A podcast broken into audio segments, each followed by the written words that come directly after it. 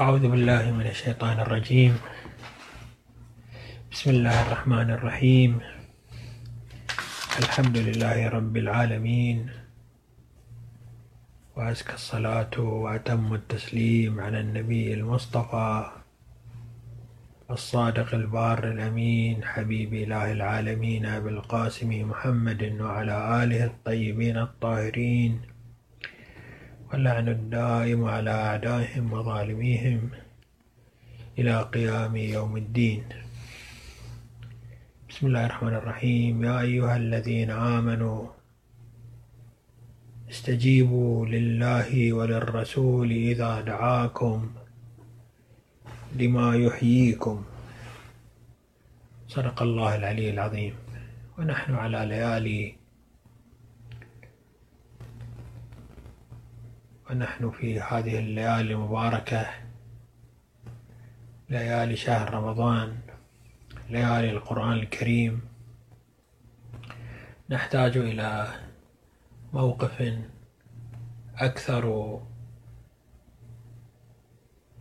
عمقا وأكثر جدية مع استيعاب علاقتنا بالقرآن الكريم. كتاب كتاب الله عز وجل نزل في هذا الشهر. وربما التعريف القرآني لشهر رمضان تعريف الإلهي لشهر رمضان بأنه شهر القرآن. شهر رمضان الذي أنزل فيه القرآن. شهر رمضان شهر صيام شهر طاعات شهر فضائل شهر ولكن المحورية الأساسية في هذا الشهر هو القرآن الكريم. ونحن مقبلين مقبلون على ليلة القدر أيضا التي تنزل فيها القرآن الكريم. فكيف نتلو القرآن الكريم؟ كيف نقرأ القرآن الكريم؟ الحمد لله يوفق الكثير منا توفقون أخواني وأبنائي. وأحبابي في سويعات وأيام وليالي. هذا الشهر الكريم بتلاوة القرآن الكريم وقراءة آياته لكن هل خطر في بالنا أن نبحث عن ما هو عمق هذا التأثير القرآني في نفوسنا في حياتنا؟ لعلنا حتى نستطيع أن نحدد علاقتنا وتأثرنا بهذه التلاوة أن نتعرف على مراتب تلاوة القرآن الكريم. المرتبة الأولى هي القراءة اللفظية الصحيحة لآيات القرآن أن يتعلم الإنسان كيف يتلو هذا القرآن بينه وبين ربه يردد كلمات هذا الكتاب النازل من الله عز وجل.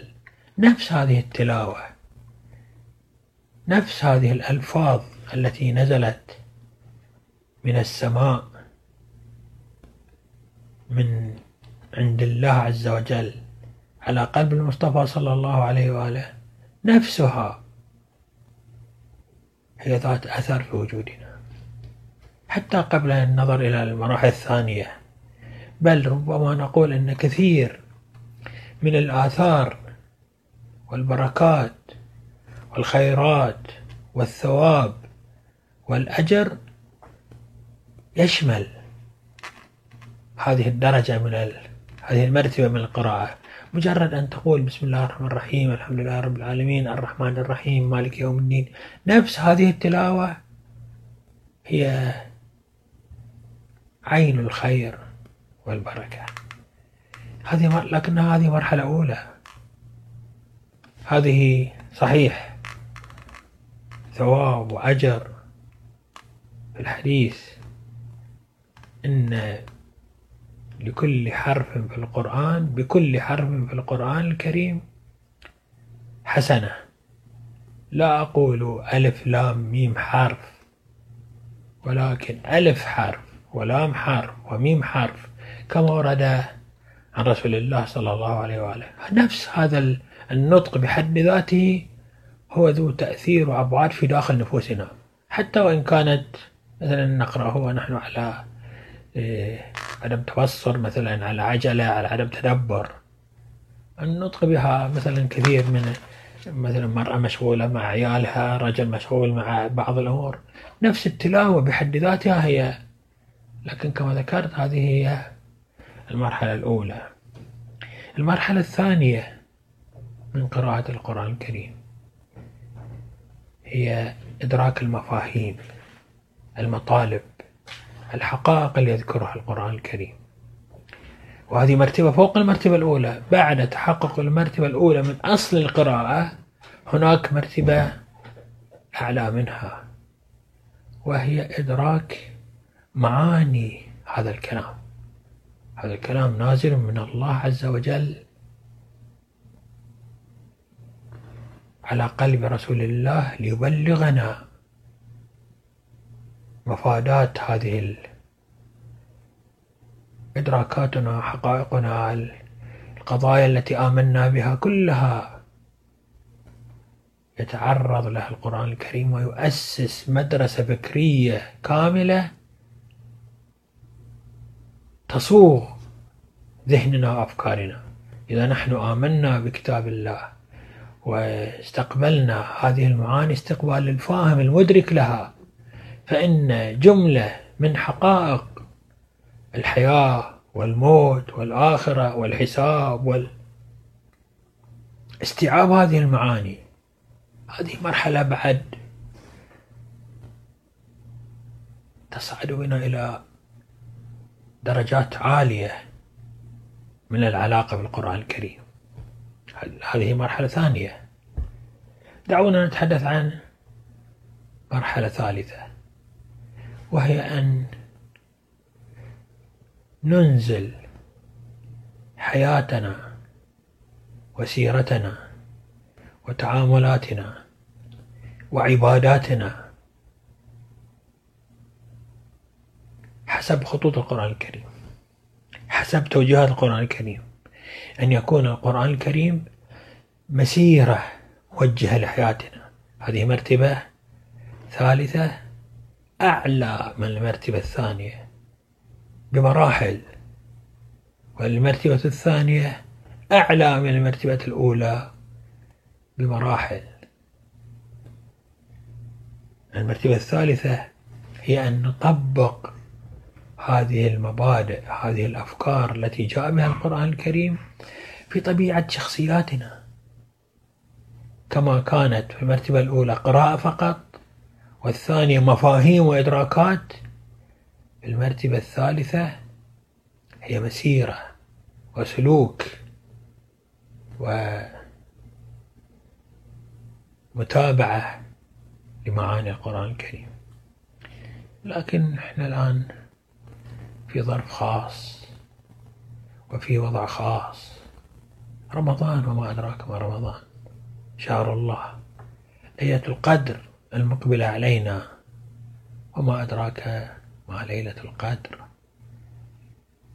نتطلع إلى أن ننال شيئا أبعد درجة من المرتبة الثالثة. مرحلة رابعة مرتبة رابعة.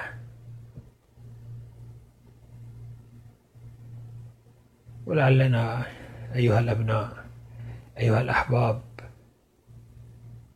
لا نبخل على أنفسنا ولا نستصغر.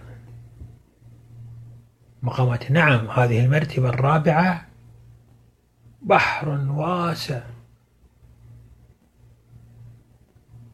لا شاطئ له. هذه المرتبة الرابعة عمق في أبعد درجات الكون والوجود. ونحن بكل صراحة لا نأمل لا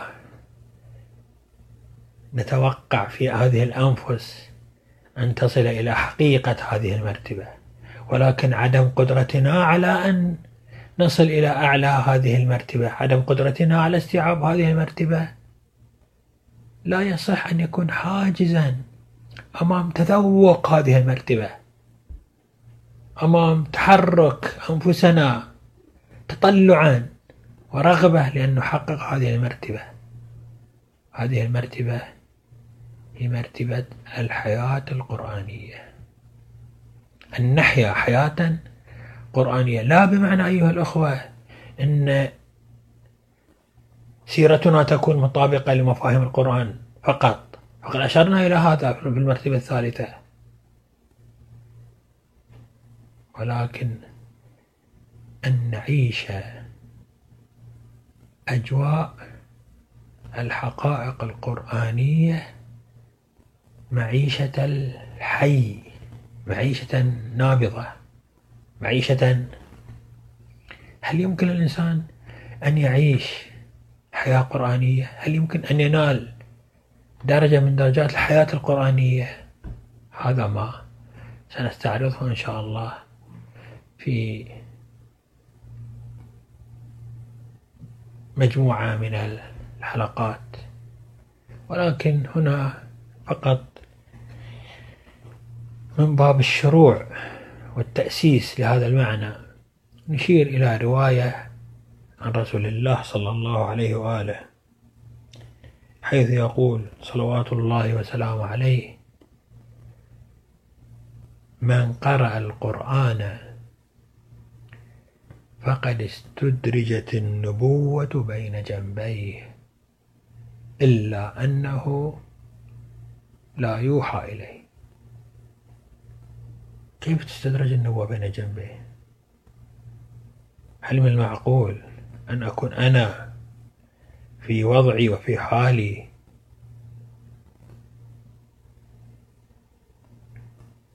تكون النبوة قد نزلت في قلبي؟ تكون إدراكات الأنبياء مشاعر الأنبياء عظمة الأنبياء حب الأنبياء لله وحب الله لأنبيائه. إخلاص الأنبياء في طاعة الله. وأن نتحول إلى درجة المخلصين من حياتنا أن نعيش حياة الأنبياء. كما ذكرت هذا أمل هذا رجاء.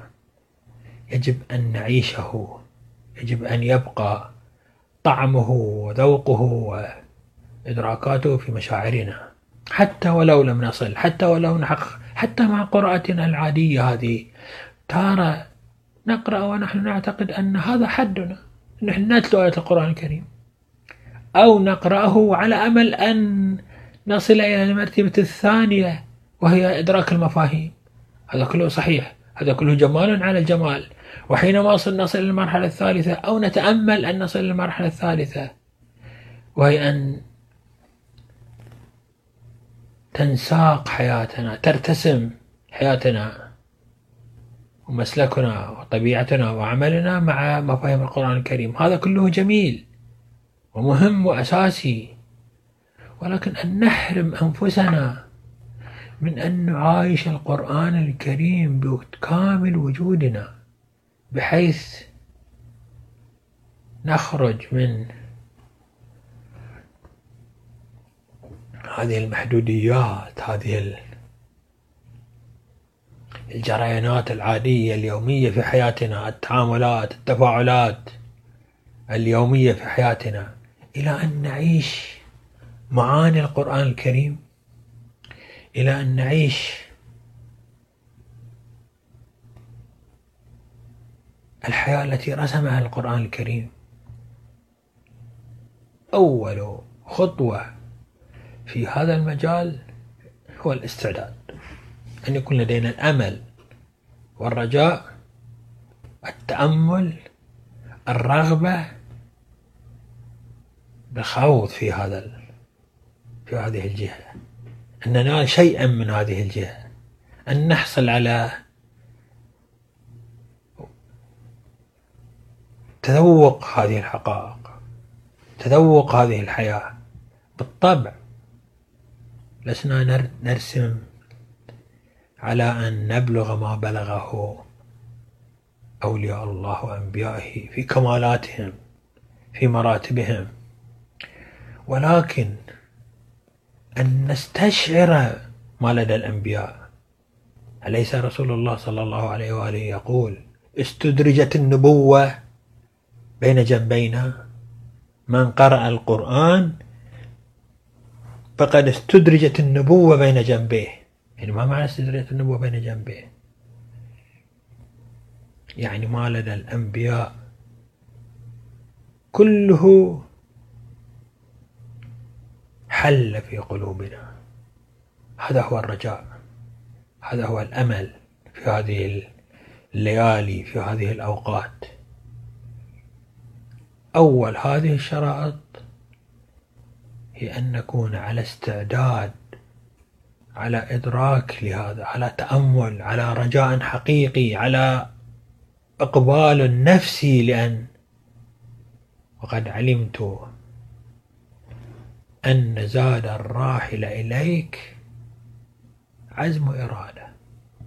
يكون عندنا العزم أن نستدرك أن نعلم أن نعرف أن نتذوق هذه المعاني وأن نصدق في رجائنا. أن نبلغ بعض درجات هذه المرحلة. نسأل الله عز وجل أن يغرس في قلوبنا حب أن نعيش معاني الأنبياء مدركات الأنبياء مشاعر الأنبياء بالقرآن الكريم. بما في القرآن الكريم سيأخذ بأيدينا إن شاء الله تعالى. إذا نحن قرأنا القرآن بهذا المعنى بحسب هذه المرتبة الرابعة فإننا نأمل أن نعيش ولو للحظات. هذه الهزة الروحية التي عاشها أنبياء الله عز وجل. هذا الرضوان الذي ليس له مثيل ليس له قيمة لا يمكن أن يقاس بمقاييس دنيوية التي نالها أنبياء الله. وأولياء الله عز وجل. نسأله بجاه النبي وآله صلوات الله وسلامه عليهم أن يصلي على النبي وآله وأن يصلي على ولي أمره ويعجل له الفرج والنصر والعافية وأن يأخذ بأيدينا وأن يمن علينا رسول الله وأهل بيته الأطهار. ومولانا الإمام المهدي عجل الله تعالى فرجه الشريف بأن يحيي هذه القلوب هذه الحياة القرآنية التي بها بلغ الأنبياء عليهم أفضل الصلاة والسلام ما بلغوا من العلا والكمال والمرتبة والرحمة والرضوان. والحمد لله رب العالمين وصلى الله على محمد وآله الطيبين الطاهرين.